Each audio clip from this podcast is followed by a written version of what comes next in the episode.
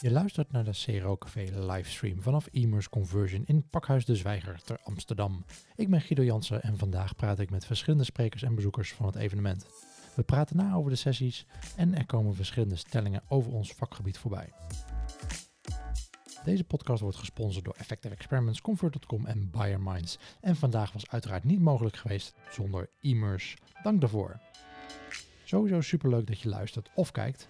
Wil je nou zelf ook meedoen? Dan kan dat. Als je hier aanwezig bent en je ziet een vrije microfoon, dan kun je er gewoon naartoe lopen en meedoen.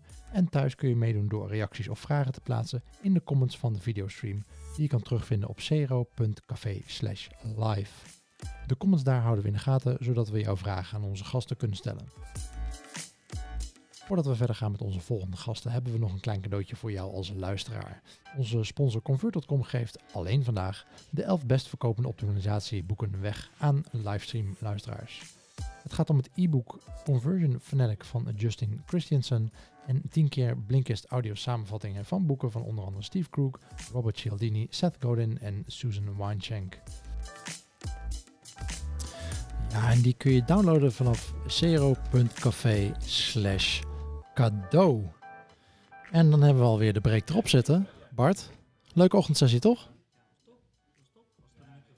Als dat, Dit is al de derde keer dat ik niet mag spreken. ja, nee, ja, dat is leuk met al die controls. Ja, dat was top die ochtendsessie. Ja, dat was leuk. We hebben, eh, Bart heeft lekker geluncht. Ik heb een paaseitje op. Ehm, we gaan verder met eh, Wouter Wensing van ISM en eh, Kevin Anderson van ING. Eh, Wouter, Hallo. Hi. Hi. Stel je eens even voor aan onze luisteraars. Hi, ik, eh, ik ben Wouter en ik eh, werk bij ISM E-Company in, eh, in Rotterdam in de Vanellenfabriek. En, eh, ik Wat ben- een mooi gebouw. Dat is een prachtig gebouw, werelderfgoed. Eh, dat is heel leuk werken. En eh, ik werk er al eh, zeven jaar eh, als eh, teamlead conversieoptimalisatie. En dan hebben we Kevin. Kevin Anderson. ehm, ik, ben, ik werk bij ING inderdaad, al, eh, al meer dan tien jaar. Ooit begonnen als eh, webanalist en nu eh chapter lead data-analyse. Dat is een hele mooie titel, houdt in dat ik eh data-analysten coach en steeds beter maak. En de andere helft van mijn tijd ben ik zelf ook een van de data-analysten in een van de teams. Ja. En ehm, ja, waar ik echt heel belangrijk vind is dat we binnen ING veel meer gaan experimenteren. Eh, Dat dus doen jullie nu nog te weinig, vind je? het moet altijd en kan altijd meer. Ja. Ja. Ja, en beter. En jouw sessie vandaag? Gaat over eh, hoe je van één CRO-persoon naar een eh, organisatie gaat waar iedereen experimenteert. Ja. Eh, dus we hebben sinds drie jaar onze eigen experimenteerplatform. Dat hebben we steeds stap voor stap uitgebouwd. Ja. Dat is niet alleen genoeg, maar ik ga in mijn sessie vertellen hoe we dat gedaan hebben en wat we gedaan hebben om de organisatie mee te nemen om eh, nou, meer te gaan experimenteren. Ja. En, kun, je, kun je een tipje van de sluier oplichten? Wat hebben jullie gedaan? Ehm, nou, inderdaad, ehm, eh, heel veel aan de techniek ge- gewerkt. Dus het zo simpel mogelijk maken. Ik denk Ja. dat dat het grootste succespunt is geweest. Dus het is echt, nou ja, voor ING.nl testen is het 5 tot 10 minuten werk om iets te creëren. Dus daarna hebben we de grootste eh, bottleneck eigenlijk weggehaald. Ik denk dat dat heel belangrijk is. Eh, en daarnaast is het natuurlijk gewoon investeren in kennis en ehm, ja, de goede technieken gebruiken bij, bij collega's. Ja, we hadden het net in de vorige sessie ook al over. Die zeiden van ja, het is wel leuk datagedreven bezig zijn. Maar ja, moet je wel data op orde hebben. Ja. anders, eh, anders wordt het super lastig. En eh, Wouter, jouw sessie? Ja. Haal meer rendement uit je conversie-optimalisatieprogramma. Klopt. Ik, eh, ik heb eigenlijk verteld over eh, hoe je dat eh, kan doen. Zie je het als een, eh, als een je hebt een groot pretpark heb je, onder Berlijn. Nou, pretpark, het is meer een, een, een resort. Eh, met eh, stranden. Pretpark onder Berlijn, Ja, ja, ja. Tsjechië. Het ligt nou, niet letterlijk onder Berlijn, maar gewoon geografisch eh, gezien, qua Oh. ligging. Ah, ja. Ja, dat is een soort van resort met stranden en jungles en je kan er slapen. Dat is enorm. Je kan er dus in een luchtballon kun je daar vliegen. En dat is best wel leuk. Dat ziet er heel tof uit. Alleen als je in zo'n luchtballon zit, ja, dan kun je eigenlijk niet hoger dan komen dan het plafond, het glazen plafond. En zo, zo schets ik een beetje CRO bij heel veel organisaties. We doen hele toffe dingen, het ziet er heel tof uit. Maar het is nog niet zo vet dat je echt door dat, ballon door dat eh, plafond heen gaat. En daar vertel ik eigenlijk over van, joh, hoe kun je dat dan hoe kun je dat wel doen? Hoe kun je echt maximaal rendement uit je, uit je CRO-programma halen?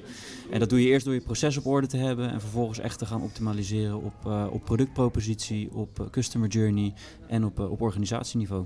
Oké, en jij hebt, ik lees allemaal concrete tips ook.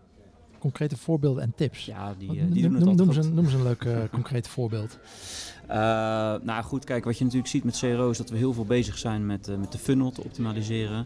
En dat, dat doen we heel goed en dat doen we heel leuk. Alleen vaak wordt het dan echt op productniveau, wordt het, het optimaliseren op productniveau wordt dan vaak nog overgeslagen. En dan zien wij bijvoorbeeld dat als jij gewoon eh, op productniveau inzoomt en kijkt van hey, welk, eh, welke producten converteren er nou echt slecht. En laten we eens kijken wat daar dan niet goed gaat. Dat als je dan die productpropositie verbetert, bijvoorbeeld door afbeeldingen toe te voegen of door te achterhalen van ja, wat dat kan er nog meer beter qua content of qua voorraad, dat je veel grotere conversieverbeteringen eigenlijk teweeg kan brengen. Alleen dan wel op productniveau en niet op de hele pagina template niveau. Ja. Dus het is zaak om dat gewoon goed in kaart te brengen en daar, eh, daar gewoon mee aan de slag te gaan. Dan kun je enorme, enorme verbeteringen Ja. realiseren. Goed punt om te beginnen. Ja, toch? Hey eh, Kevin, we gaan het zo hebben over de, de Detour Act. Ehm, dat, is, eh, dat was deze week in het nieuws. Voor de mensen die, het- die luisteren en niet kennen, die, die kunnen dat nu even gaan googlen. Eh, maar voordat we dat doen, heb ik een, heb ik een vraag voor, voor je eigenlijk. Een, een stelling die, we, eh, die onze Facebook-luisteraars eh, hebben ingediend. Ehm, de oorspronkelijke stelling is, morgen krijg je er 100k jaarlijks budget bij. Waar geef je het dan uit?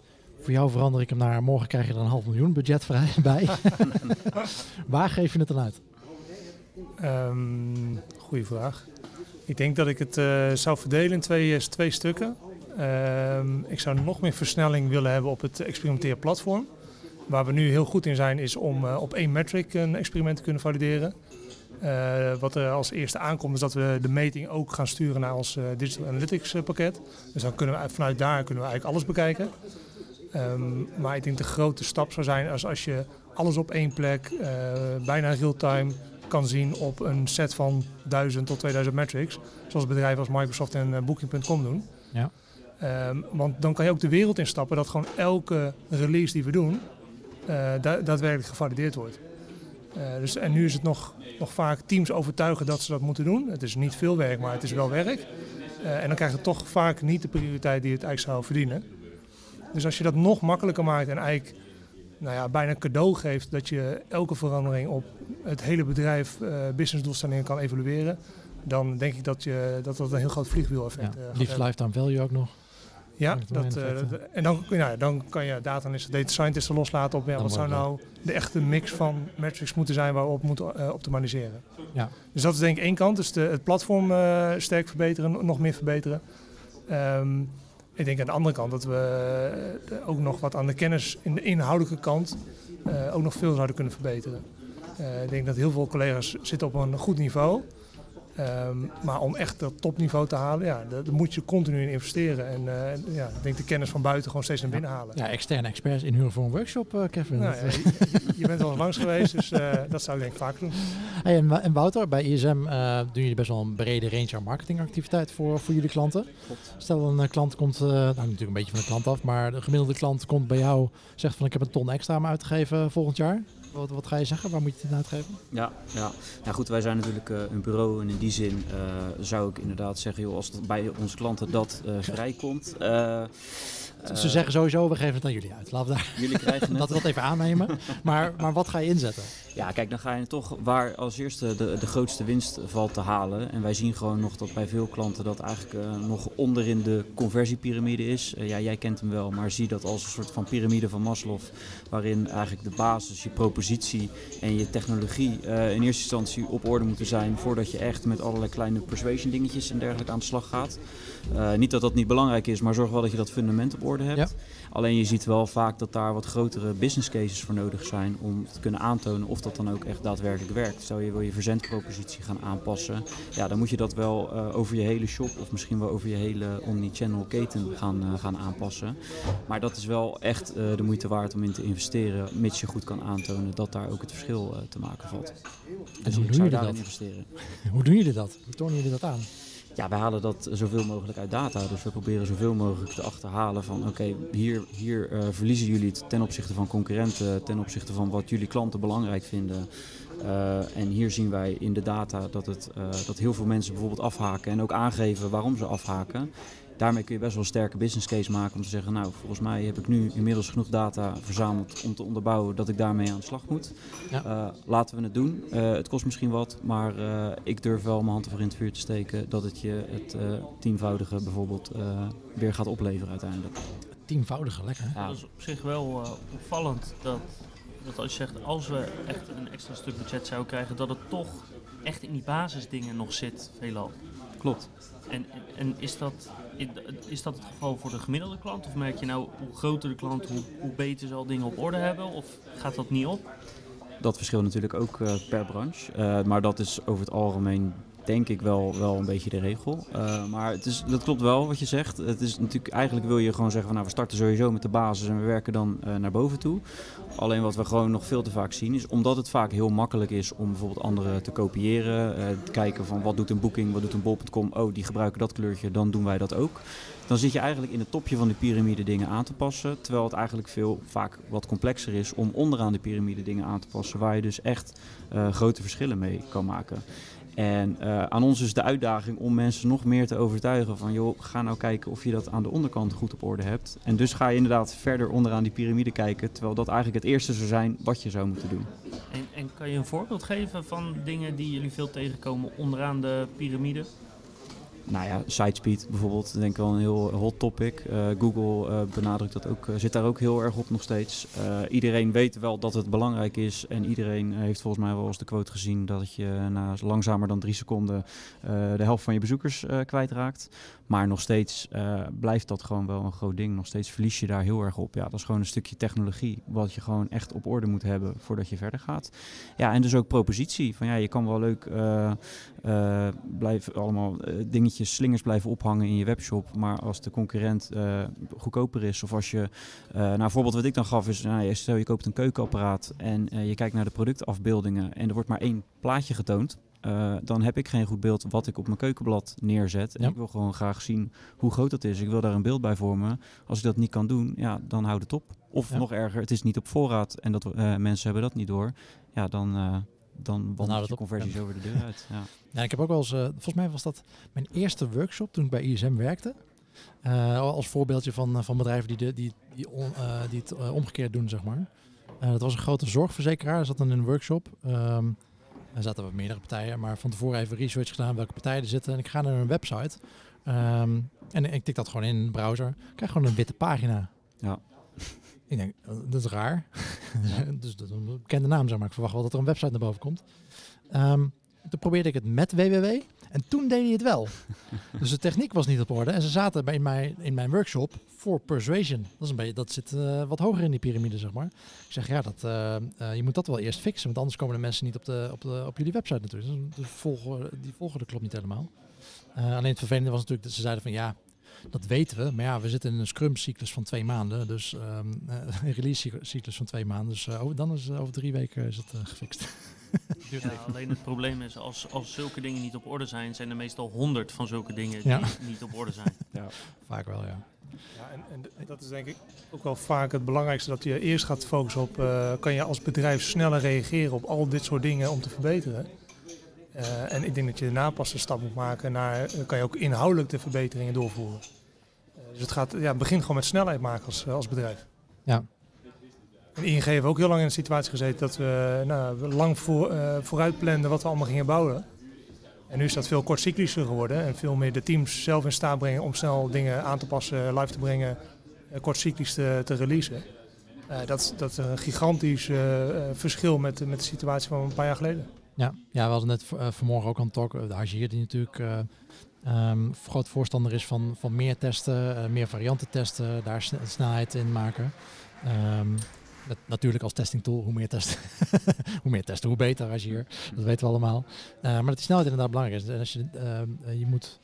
ehm, je- je moet een bepaald basisniveau van, van het aantal testen hebben. Want als jij, nou ja, als jij eh, acht testen per jaar doet, dan heb je een succesratio van 1 op 8. Ja, heb je één succesvolle test per jaar. Dat is niet lekker voor je motivatie. Vind je manager niet leuk, krijg je geen budget en dat schiet niet op. Dat, dat tempo moet gewoon omhoog. Als je dat niet voor elkaar krijgt, dan moet je het eerst daarop focussen, denk ik.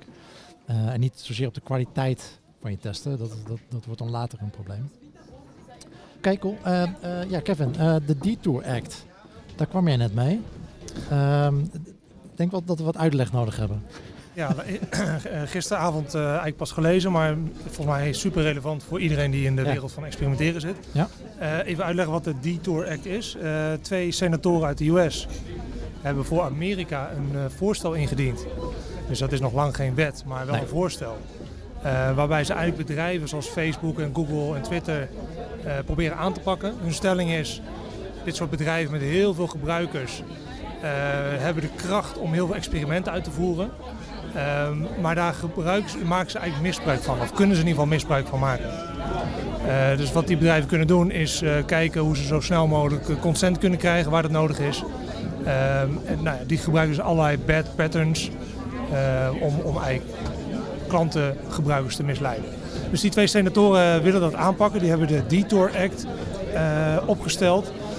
Dat staat voor Deceptive Experiences to Online Users Reduction. Daar staat die Lekker, lekkere afkorting. Een hele mooie afkorting. um, maar ze willen dus echt die grote partijen aanpakken. Um, en ik, ja, wat het betekent, ik denk een aantal dingen wat wel heel relevant is. Maar misschien even wat context. Het gaat dus echt om die grote partijen. Ze mikken op klant, of partijen die uh, meer dan 100 miljoen bezoekers per maand hebben. Dus ik denk alle bedrijven die hier presenteren vandaag uh, vallen daar uh, ruim buiten het is nog niet van toepassing op ons, dat, dat sowieso. Sowieso dat het uit de VS komt natuurlijk en, en voor grote partijen. Maar het kan wel interessant trickle-down effect hebben natuurlijk. Exact, ja. Want als het daar begint, ja, wie weet wat het voor uh, gevolgen verder heeft. Uh, en het is natuurlijk wel vreemd dat ze alleen die grote partijen aanpakken. En ook alleen de online partijen, dat is ook heel vreemd. Want er zijn natuurlijk genoeg partijen die zeggen... Uh, denk aan de grote supermarktketens met prijstesten. Weet je, waarom die partijen niet? Dus dat, dat is eigenlijk denk ik wel de eerste kritiek. Ja, Karel zei het net ook al van ja, uh, die werd er een beetje moedeloos van volgens mij. Zegt van ja, maar dat, dat, doen heel veel partijen, we doen het al jarenlang, uh, tientallen, honderden jaren lang. Ja. En uh, omdat het nu digital is, vinden we het allemaal super spannend en moeten er allemaal ineens wetten voor komen. Ja, ja. Nou, twee concrete dingen die het denk betekent. het gaat ook heel erg in op voorkomen dat kinderen worden gestimuleerd om ergens aan een bepaalde app verslaafd te raken. er staat een hele duidelijke leeftijd in. Voor onder de 13 jaar mag je eigenlijk gebruikers niet stimuleren om heel lang een bepaalde app te gebruiken. Dus dat is echt om die verslaving denk ik tegen te gaan. Um, maar ook heel erg het bewust beperken van autonomie van gebruikers.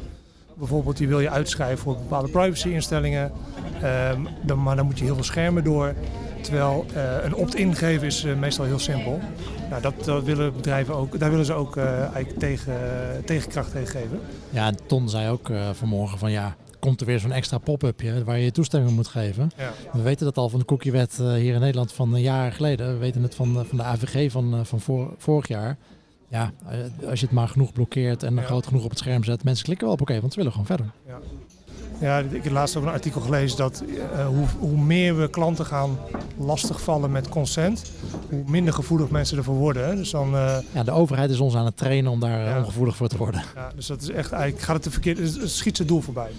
Um, nou, misschien een uh, ander element wat erin zit in die Detour Act is dat elk bedrijf, nou, die grote bedrijven dan, moet een review board instellen. Waarbij elk experiment waar je dus met gedragstechnieken experimenteert op gebruikers, uh, dat moet reviewen. Dus dat is iets wat volgens mij prima is.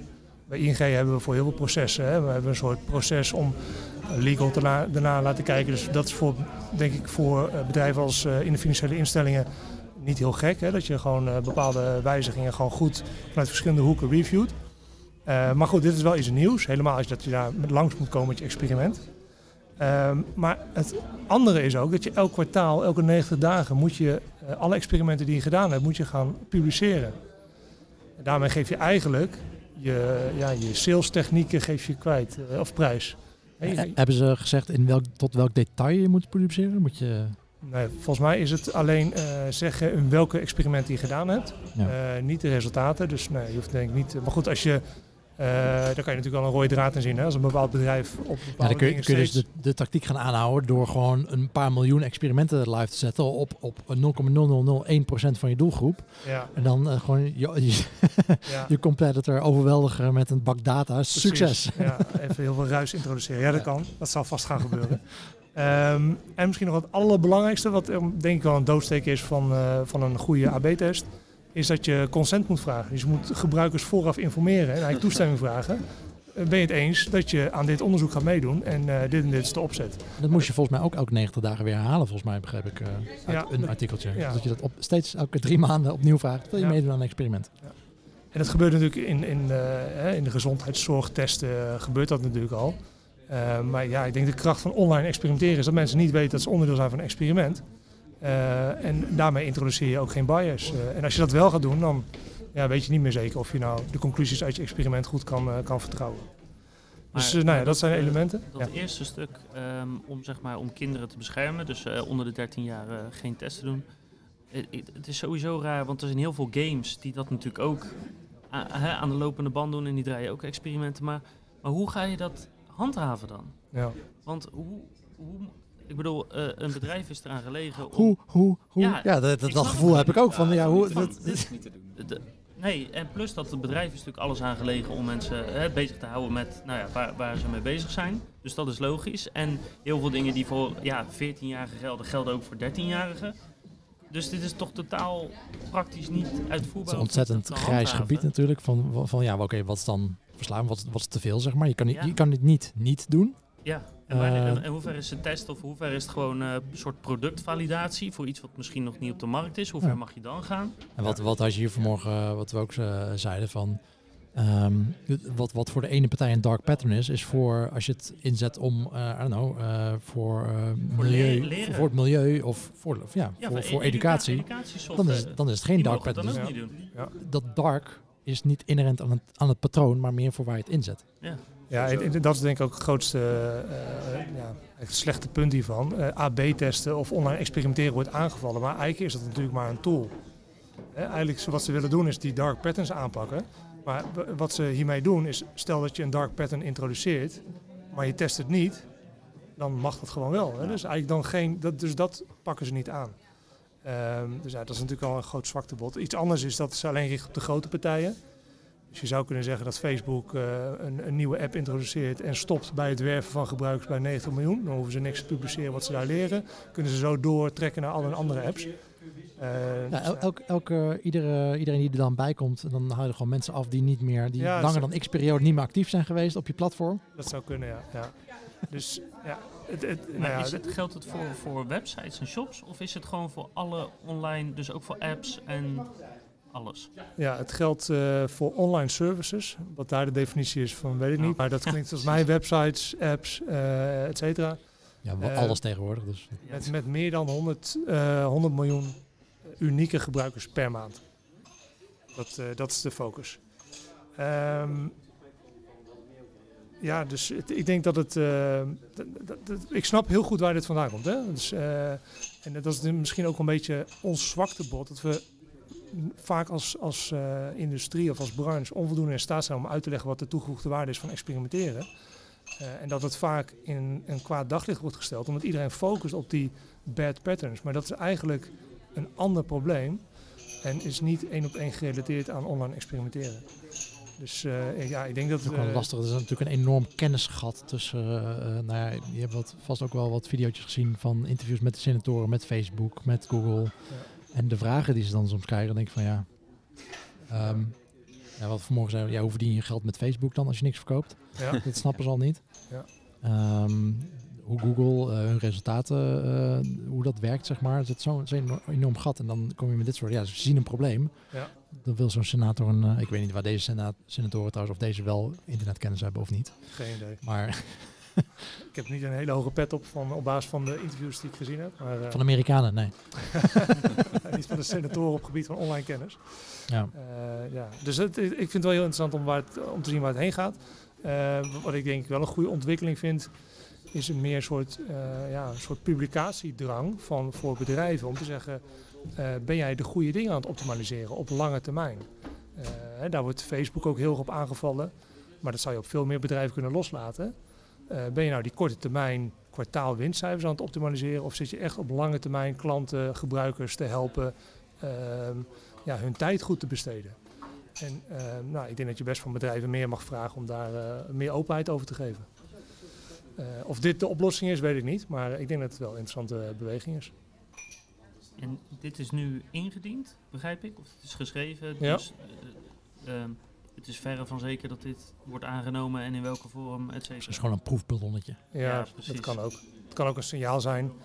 Ehm, Twee senatoren die aandacht willen. Eh, van alles natuurlijk. Maar het, het, het, eh, ik snap wel heel goed waar het vandaan komt. Dus, eh, Misschien is het ook wel goed dat er dan wel even wat aandacht aan wordt gegeven. Want Ja. ik snap ook wel waar het vandaan komt. Maar in hoeverre, ja, een beetje cliché, maar waar trek je de grens? In hoeverre ga je dat eh, doorvoeren? Bijvoorbeeld die hele dark patterns, dat zit bijvoorbeeld volgens mij in ieder mobile gaming spel sowieso al verworven. Dat is het hele spel. Van joh, ja. eh, download het. Maar ja, uiteindelijk moet je toch iets gaan kopen om een level hoger te komen. Want anders gaan we er niks aan verdienen. En ja, hetzelfde geldt denk ik voor, eh, voor, voor, voor websites, voor sociale platformen. Ja, wat, wanneer is dan iets een, een dark pattern en Ja. wanneer is het dan geoorloofd om wel te zeggen van joh, ik zou even hierop klikken, want eh, daar word je vrolijk van, Ja. bijvoorbeeld. En het is ook niet niet te doen. Het is een enorm grijs gebied. Hè? Je kan niet, niet persuaden, zeg maar. Je, dat doe je al met de manier hoe je je kleedt of hoe je loopt. Of, Ja. Ja. Ehm, ja, Eh, dus, dus daar begint het al mee. En hoe je praat met mensen, dat, dat, dat is al Dus onderdeel ervan. alle webshops en alle websites dezelfde call to action overal. Ja, Eh, dan, dan moet je- dus dan moet één approved call to gaan. action. Ja. Ja. Nee, dat is gek, eh, gekheid. Dat, dat- ja, dat kan gewoon niet. Dat Ja. kan gewoon echt niet. Nee. Ik zou niet weten hoe in elk geval. Nee, maar goed, dit is natuurlijk wel de standaardreactie als de eh, regelgeving wordt voorgesteld. Hè. Toen de cookiewet kwam, was ook de hele branche, dit kan niet. Hè, hoe hebben ze het kunnen bedenken? Eh, Ja, GDPR, maar- maar hetzelfde. Heeft het geholpen? Nee, dat snap ik. Maar ik kan, ik kan me heel goed voorstellen dat politici zo'n reactie verwachten. Zo van, ja, over de uitvoerbaarheid daar hoeven zij niet na te denken. Ehm, ik denk dat je als branche wel moet luisteren naar ja, wat zit eronder en ja, wat- hoe zou je het kunnen meenemen. In plaats van gelijk te zeggen, nou, dit is niet, praktisch niet uitvoerbaar, dus we negeren het gewoon. eh. want daarmee wordt volgens mij wordt het op termijn alleen maar erger. En dan gaan we dingen meer in regels proberen te vangen. En dat lost het probleem niet op. Eens. hey, we hebben een eh, stelling eh, van Daniel Marcus van Click Value. Een goed CRO-proces focust op maximale kennisopbrengst. Eh, wanneer dat lukt, volgt het resultaat vanzelf. Doodse stilte. Eens. Zal ik dan de oneens pet opzetten? Oh, Dat was het idee van de Oké, stelling. oké, ja, heel goed. ik Nou, twijfelen? Ja. nou, we hebben een hele mooie range zitten hier. Eh Wouter, je bent het mee eens. Ja. Wil je het nog toelichten? Ehm, ja, goed. Moet ik eerst aan eh, Kevin vragen waarom hij oneens is, dan kun jij daarna... Nou, daar ben ik ook wel erg benieuwd naar. Maar eh, ja, goed, eh, natuurlijk begint het allemaal bij kennis. Je wilt toch zoveel mogelijk alles in kaart kunnen brengen. Of dat nou intern kennis is over hoe je je processen moet inrichten en, en moet blijven verbeteren. Of dat het kennis is over hoe je gebruikers zich gedragen. En of dat nou kwantitatief of, of kwalitatief is. Dat is alles wat je nodig hebt, denk ik, om, eh, om, om alles goed neer te kunnen zetten. En ehm, als je dat hebt staan, dan. Maar, eh, maar dan het tweede vanzelf. deel, wanneer dat lukt, volgt het vanzelf? Focus on the user, all else will follow. Oké, Kevin. denk ik wel. Nou, ik, ik denk dat het heel gevaarlijk is om alleen maar te blijven analyseren of proberen te leren. Eh, het, het gaat juist om het praktisch toepasbaar maken. Eh, en ik denk dat je het altijd moet eh, balanceren. Dus ja, er moet een leerdoelstelling zitten in elk experiment. Maar het moet ook gewoon keihard ergens aan bijdragen. eh, aan een bepaalde doelstelling. En dat is idealiter op lange termijn succes voor het bedrijf en voor klanten. Ehm, want daarmee hou je ook dat hele programma in leven. Hè? Dus je, je laat zien aan een organisatie dat het toegevoegde waarde heeft. En als dat stukje wegvalt en je laat alleen zien, dit zijn interessante learnings, maar die zien, zien collega's of teams niet praktisch worden toegepast. Ja, dan ik denk niet dat het lang, eh, een lang leven heeft dan. Dat is ook de manier waarop je het intern verkoopt. Eh, Ja, Ja. Dat, dat zal er heel erg mee te maken hebben. Ja. Maar het, het gaat heel erg over dat maximaliseren daarvan. Ik denk, nou ja, dat is niet het uiteindelijke doel. Dus eh, een, een mix van. Maar wel een essentieel middel om dat doel te bereiken. Ja, zeker. Kijk, als je alleen maar richt op resultaat, eh, helemaal als dat korte termijn is, dan ben je kliks aan het optimaliseren. En dan leer je helemaal niks over klantgedrag. Eh, dus het moet er zeker in zitten. Eh, en ook gedeeld worden met de organisatie om daar feedback op te krijgen en een beetje pushback van hè, hebben we wel het goede gedaan. Eh, dus, en dan ben je echt aan het leren. En als dat ook openlijk met elkaar gediscussieerd kan worden, dan, dan denk ik dat je goed bezig bent. Maar ik zou... Maar dat, dat, dat leren, die, die, die maximale kennisopbrengst, dat leren en wat, wat Wouter ook doet, dat hoeft natuurlijk niet alleen maar te zijn door te analyseren. Dat kan ook zijn door, door dingen te doen, door dingen te veranderen, door, door testjes te doen. En daardoor kun je die kennis ook Ja. natuurlijk. Nou ja, En, en dan denk ik dat, het, dat je het goed doet. eh. dus, dus, maar dan ben je concreet bezig. Ja. Hè, je bent bezig met dingen te optimaliseren. En eh, langs die as ben je ook dingen aan het leren. Je kunt ook kennis opdoen over hoe je dan die kennis beter kan overbrengen om meer betere resultaten neer te gaan zetten. Lekker meta. Ja. Bart, welke kant eh, val je op? Eh, nou, ik, ik had eigenlijk precies de reden waarom ik inderdaad ook op twijfel zat. Van ja, tuurlijk is kennis super, maar eh, informatie verzamelen, eh, wat volgens mij Lonneke ook zei, dat is niet zo ingewikkeld. Het gaat er vooral om, is dat informatie waar je iets mee kan en ga je er ook daadwerkelijk iets mee doen? Dus als dat gebeurt, dan, dan ben ik het met de stelling eens. Alleen, dat is niet een aanname, dus dat daar het, het laatste stuk van, dan volgt de rest vanzelf, ben ik het zeker niet mee eens. Eh, want er zijn bedrijven zat die heel veel kennis hebben, maar nul uitvoering ermee doen. En ja, dan is het net zo goed, eh, kan je het net zo goed niet hebben. Het voelt niet dat alsof het eh, vanzelf gaat allemaal. Zeker niet. Nou ja, daarover dan. Dan hebben we een stelling die daarop doorbeduurt, denk ik. Van Sjoerd Wallinga. Over vijf jaar bedenkt en prioriteert AI, Artificial Intelligence en Machine Learning het grootste deel van de AB-test. Eh, z- zeg het nog eens. Bedenkt en... Eh, prioriteert Artificial Intelligence en Machine Learning het grootste deel van de AB-test. Ja, de, oh, in het, oh, Bedenkt gaan we- en prioriteert. bedenken of Bedenkt we en prioriteert. Ja. Ik, ik kan er denk ik wel Mag je daarna nuanceren? ik Ja. kan er voor een groot gedeelte in meekomen. ja. Ja, vijf jaar weet ik niet, maar eh, daar gaat het zeker wel naartoe. Ik val ook een beetje over die vijf jaar. Vaak is het met, met zulke dingen dan, omdat het voor je gevoel een soort bijna kan, denk je ja, nee, over een paar jaar dan, eh, dan is het niet anders. En in de praktijk valt dat toch tegen. Dat dachten we met personalisatie ja, eh, ook precies. bijvoorbeeld. Nou ja, überhaupt met AB-testen al. Ik bedoel, dat is, Ja. eh, dat is ook pas iets wat de laatste jaren echt door de hele branche eh, gebeurt. Terwijl dat in theorie al tien jaar Digitaal was. in ieder geval. Ja, ik bedoel, magazines deden het al eh, 50 jaar. Ja. ja. Ja. Dus de, de, de snelheid waarmee het gebeurt, zal wel wat langer zijn dan vijf jaar, schat ik. Nee, maar ik denk zeker dat op het gebied van prioriteren, hè, dus op basis van alle data die verzameld is van voorgaande testen, het prioriteren van alle ideeën die er zijn, dat daar modellen heel veel invloed op gaan hebben. Ehm, ik hoop en denk, maar vooral hoop, dat de mens vooral bij het idee creëren nog een hele grote rol heeft. Omdat ehm, ja, ik denk dat wij met onze hersens toch iets meer out of the box kunnen denken en misschien dingen die we wat moeilijker echt heel meetbaar of tastbaar kunnen maken, toch kunnen verzinnen. Ehm, en steeds eh, de status quo kunnen challengen. Dus ik hoop dat de, de rol van de mens is vooral met nieuwe ideeën komen en, en het bestaande challengen. En dan eh, al die ideeën bij elkaar, dat dan eh, een model zegt, nou volgens mij zijn deze tien op basis van de prioriteiten, op basis van de capaciteit, zijn deze tien de beste om de komende twee maanden op te pakken. Zoiets. Ja. Zou een mooie wereld zijn. Wel kennis op blijven doen dus. Toch wel, ja. Heel goed. Ehm, ik ben wel benieuwd, eh, vanmorgen ook eh, eh, gesteld. Eh, het gaat over diversiteit. Ehm, zeker als je nou een, een, een, een groot partij bent eh, die een grote afzetmarkt heeft, eh, heb je natuurlijk een enorm diverse eh, doelgroep. Ehm, die, die klant van jou is, Eh, zeker als je een, nationale bank bent, Ehm, of nou internationaal, maar eh, ehm, hoe, hoe zorg je ervoor dat eh, de varianten die wij ontwerpen, intern vaak, dat, dat dat relevant is voor die hele doelgroep. Ik hoorde bijvoorbeeld vanmorgen op BNR, dat is een publicatie van Sociaal-Economische Raad, Nederland eh 2,5 miljoen laaggeletterden, volwassenen, die 2,5 miljoen volwassenen die laaggeletterd zijn. Om maar als voorbeeldje te noemen, zeg maar. Ehm, en hoe zorgen we ervoor dat, dat, dat we ook dat soort mensen, dat soort doelgroepen, ehm, dat we dat aan blijven spreken, ook met AB-testen. Dat we niet alleen maar, ja, ik bedoel, de meeste CRO-specialisten zijn wat hoger opgeleid. Ehm, een enorme bias natuurlijk in de groep eh, waarmee wij eh, überhaupt al zitten. Ja, ik ben benieuwd hoe jullie daar eh, tegen, tegenaan Ja. kijken. Of hoe, hoe je daar überhaupt mee om kan gaan.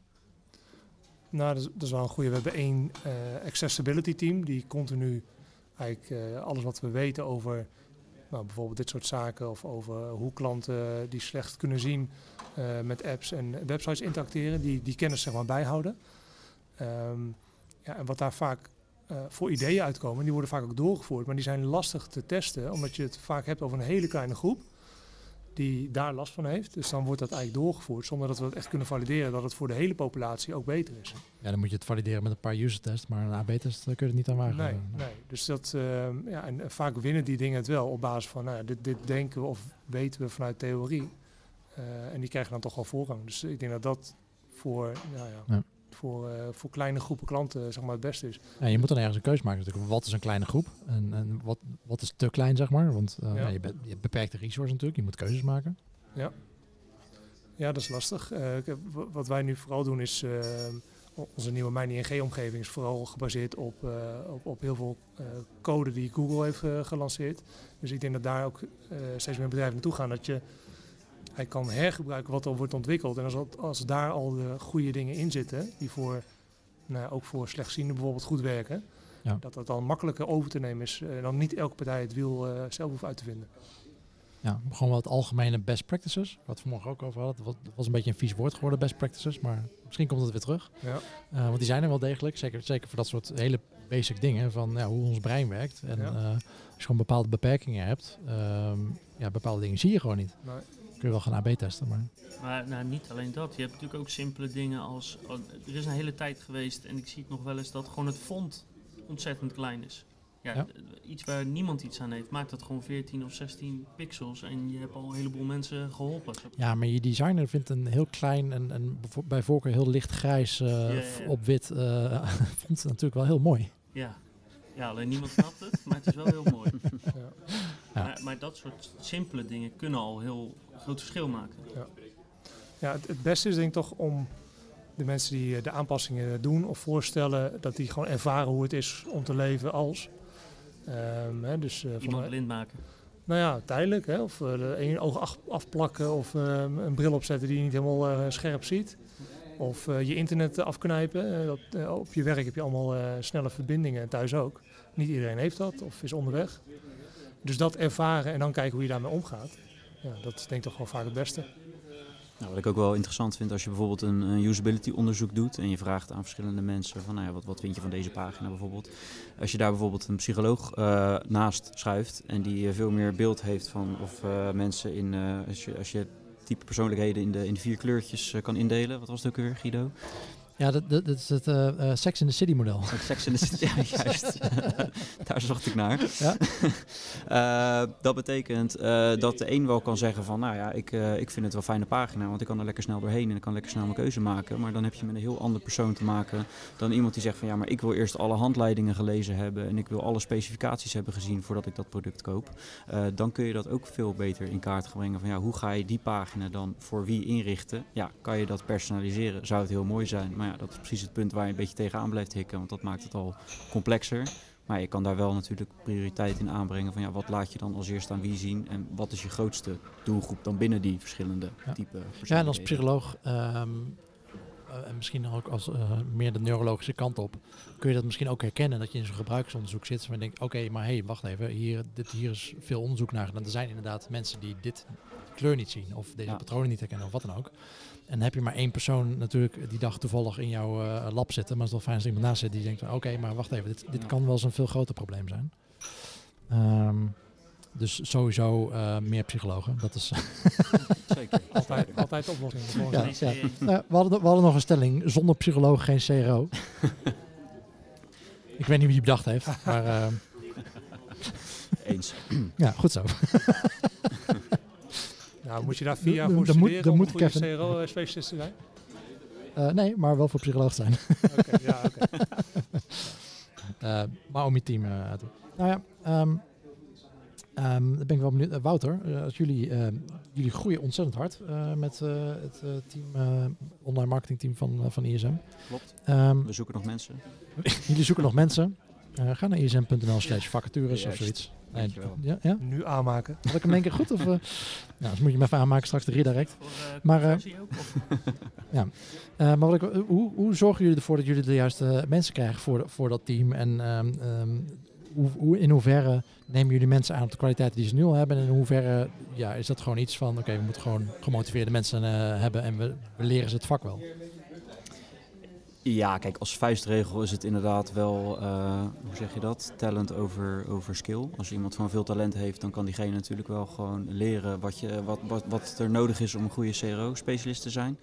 Uh, ja, je moet gewoon natuurlijk heel geïnteresseerd zijn in data en, uh, en in de mens. Maar goed, we, we, zitten natuurlijk ook steeds meer met specialisaties binnen CRO. Dus het liefst ga, kijk je ook zoveel mogelijk van, joh, heeft iemand aanleg op het, op het meer technische vlak of het meer psychologische vlak of meer het usability vlak. En dan, uh, dan komen we er als team uh, voor de klant uh, komen we er echt wel uit. Ja. Kevin, hoe doen jullie dat? Als jullie mensen aan die teams, want jullie willen dus flink uitbreiden, ook? Ja, ing.nl slash vacature schok ik dan even maar. nou, als je Google op werken bij ING kom je er zeker. ja. Um, ja, wat heel belangrijk bij ons is uh, data skills. En dat is niet alleen voor data analisten of data scientisten, maar juist ook voor, nou, wij noemen ze customer journey experts. Dus meer mensen met CRO of marketing skills. Uh, echt kunnen werken met data, maar ook dat goed kunnen interpreteren. Dus daar, hebben we, daar focussen we heel erg op. Um, en ja, ik denk dat het heel belangrijk is dat je nieuwsgierigheid, dat noemde jij ook al, ik denk dat het daar allemaal begint. Als je dat niet hebt, dan is het lastig te leren, is het lastig in andere onderwerpen te duiken. Ja, en, en, ook iets van je nederig kunnen opstellen of zo. Want uh, wat dit vak allemaal leert is dat je het heel vaak gewoon fout hebt. En als je heel erg verliefd bent op je eigen idee, ja, dan is het wel extreem moeilijk om dat los te laten. En dan, ja, dan duw je AB-test eigenlijk een beetje van je af. Want dan is het alleen maar eng en gevaarlijk om al je goede ideeën uh, kapotgeschoten te zien worden. Dus dat, dat, zijn geen hard skills, hè? dat zijn meer ja, de professionele skills. Maar betekent dat ook automatisch dat je een soort uh, minder, uh, minder gevoelige mensen aantrekt? Omdat ze niet verliefd mogen zijn op de eigen idee? Of? Nou, ik zou juist zeggen gevoeligere mensen. Want uh, ja, het gevoel naar een ander, soort empathie, hè? kunnen inleven in iemand anders. Het, het, vanuit een andere invalshoek kunnen zien. ja, extreem moeilijk om voor te interviewen. Hè? Dus als iemand tegenover je zit, ja, dat is meer gevoel onderbuik en bijna niet ja, te, te, relateren of te vangen in data. Um, ja, vaak heb je het door als je met, met een collega interacteert of je denkt, ja, die kan dat. Uh, en ik denk, als je op grote schaal gaat experimenteren, ga je dat natuurlijk wel uit data halen. Want op een gegeven moment ga je wel zien dat bepaalde mensen bovengemiddeld gaan scoren. Uh, dus dat, dat zou wel interessant kunnen zijn. Op dat punt zijn we nog niet, maar wie weet. Nou, dat is vast over een paar jaar wel een machine learning tooltje die dat uh, voor je kan uitvogelen. Ja, ja. nou, wat wij al wel hebben, elke woensdag versturen wij uh, een e-mail rond met de Which Test One. En daar houden we bij wat collega's denken dat de winnaar is. Conclusie is dat altijd ja, meer dan de helft gewoon fout zit. gemiddeld is het 30% zit goed. Ik heb nooit de analyse gemaakt, maar dat zou kunnen. dat je gaat kijken van, zijn er collega's die het echt bovengemiddeld goed hebben altijd. Uh, en ook daaronder. En ja, waar ligt dat dan aan? Dus dat is meer het inschatten van uh, goede ideeën. Van, van bedrijven waarvan ik gehoord heb die dat doen, uh, scoort de klantenservice altijd heel hoog. Oh ja. Nou, die, ja, die praten dagelijks natuurlijk nou ja, met de klanten. Over empathie gesproken, hè? Die, die ervaren elke dag wat voor problemen een bedrijf voor klanten oplevert. Ja. Dus die kunnen zich denk ik bovengemiddeld inleven. Zijn misschien ook daarop getraind hè, om goed te luisteren. Dus ja, ik kan me heel goed voorstellen. Maar te weinig andere mensen binnen het bedrijf die dan waarschijnlijk met de klantenservice het daarover hebben. Empathie hebben. Ja, maar dan, dan nog is het wel lastig. Ik had het bij, uh, bij Euroflorist ook. Uh, als je naar de klantenservice vraagt, dan is er niks speciaals aan de hand. Uh, voor hun is het niet speciaal. Ja. Maar dan ga je zelf die, die calls doen. Of dan ga je ernaast zitten, zeg maar. Ja. Nou ja, je schrik je rot wat er allemaal voorbij komt. Is van, jezus, dat, we, dat we überhaupt nog wat verkopen. Um, en ja, dan heb je al je A4'tje snel volgeschreven, zeg maar. Dus, dus zelfs uh, alleen het praten, ik zou echt, ja, CRO-specialist of, of optimalisatie, waar je, wat je ook doet, uh, even een paar uur klantenservice uh, per maand. Is je backlog weer vol? Ja, basically, ja. nou, als we het toch over werk bij ING hebben, als je bij ING start, dan de eerste twee weken is er een ING-programma en een van de dagen of twee dagen ga je met het callcenter meeluisteren en dan zelf ook bellen. Dus dat wordt de eerste paar weken wordt het al ja. erin gegoten, zeg maar. Ja, ja supergoed. Nou Bart, jij nog werknemers nodig? Of, ja, maar ook voor de klantservice.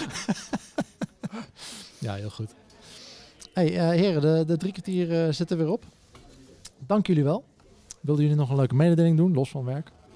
Los van dat jullie heel veel mensen zoeken.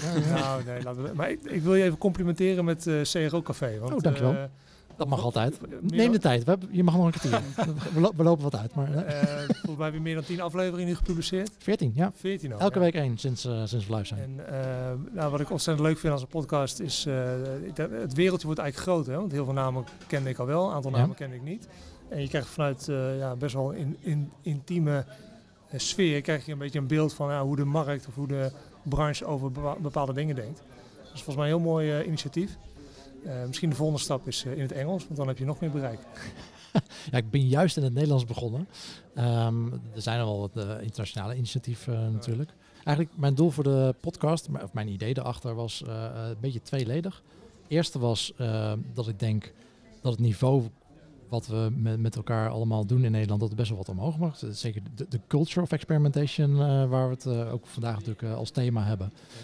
Dat niveau mag wel wat omhoog, dat het echt door de hele organisatie gevoeld wordt en gepusht wordt en geleefd wordt. En het tweede is dat, er- dat ik, nou ja, ik spreek met veel, veel bedrijven die, of veel spe- CRO-specialisten. En dan merk je heel erg dat er best wel een, eh, de beeldvorming, zeg maar, van, van oké, wat doen andere bedrijven met CRO? Denk van an- andere bedrijven hebben het allemaal supergoed voor elkaar. Die hebben allemaal hun data op orde. Eh, die hebben allemaal massa's met eh, budgetten daarvoor. Ehm, en ja, ik ben, ik, ik werk voor een schoenverkoper in Enschede, eh, weten wij veel, eh, we doen ons best. Eh, en als je dan met ze praat, dan kom je er eigenlijk achter van ja, maar jullie, hebben, zijn, moeten eigenlijk veel creatiever zijn met jullie data, want jullie hebben niet de, de volumes die alle grote namen hebben. En nou, die, die mensen met de grote namen, ja, die zijn eigenlijk alleen maar, know, andere bedrijven aan het opkopen of die zetten er extra subshopjes neer, maar zijn ook helemaal niet bezig met conversieoptimalisatie. En jij bent eigenlijk misschien wel beter. En door daar wat meer openheid in te geven, door gewoon die verhalen eh, langs te laten komen, hoop ik dat daar, nou ja, inderdaad dat er wat beter beeld van komt. En dat, eh, dat het hopelijk ook eh, die uitwisseling op gang brengt. Dat, zou dat zou leuk zijn. Nou, dat lukt volgens mij goed. Heel goed. Dankjewel. Ehm Wouter, wil jij nog een compliment geven? Ja, nou ja, goed. eh, ik wil me daar graag eh, volledig eh, bij aansluiten. nee, Dankjewel. goed. Kijk, ieder initiatief wat we kunnen bieden om gewoon CRO naar een hoger level te halen. Of het nou zo'n evenement als vandaag is, e-mails conversion. Of, of deze podcast. Ja, we hebben er allemaal baat bij als er meer eh datagedreven gedacht wordt. Ik vind jouw voorbeeld ook heel leuk. Van jullie nieuwsbrief die er dan intern wordt, wordt gedeeld. En mensen die verplicht met de klantenservice moeten praten. Ja, iedereen moet eh, dat wel eh, zoveel mogelijk meekrijgen om, Ja. om meer ja, datagedreven te blijven verbeteren. En ik denk dat dit een heel mooi initiatief is om Ja. dat, eh, om dat voor elkaar te krijgen. Je noemt nieuwsbrief, dat vergeet ik even helemaal. Kevin, die nieuwsbrief, plug, Ja, hem, plug hem even. Eh, dankjewel. Eh, elke maandagochtend verstuur ik een nieuwsbrief. De Behavioral Insights in het Engels, want ik wil graag een groot bereik. Ja. Het gaat over allerlei artikelen die ik in een week verzameld heb over analytics en experimenteren. Dus als je te lui bent of je hebt te druk om zelf eh, het internet af te struinen wat eh, allemaal relevant is, abonneer je op eh, kevinanderson.nl slash insights en dan maandagochtend krijg je de eerste. Als hij nou heel populair wordt, dan zoekt hij ook nog mensen daarvoor. En dan ga je naar kevinanderson.nl slash vacatures. hey, heren, dankjewel. Eh we spraken met Kevin Anderson van eh, ING en Wouter Wensing van ISM E-Company uit Rotterdam, de Vanellenfabriek. Ehm wij gaan jullie wel spreken en ehm, wij gaan op zoek naar de volgende gasten. Dat zijn, ehm, het zouden sowieso moeten zijn Shirley van Haarlem en Joran van Gilst. En we gaan kijken of ze even wat klaarstaan. Tot zo.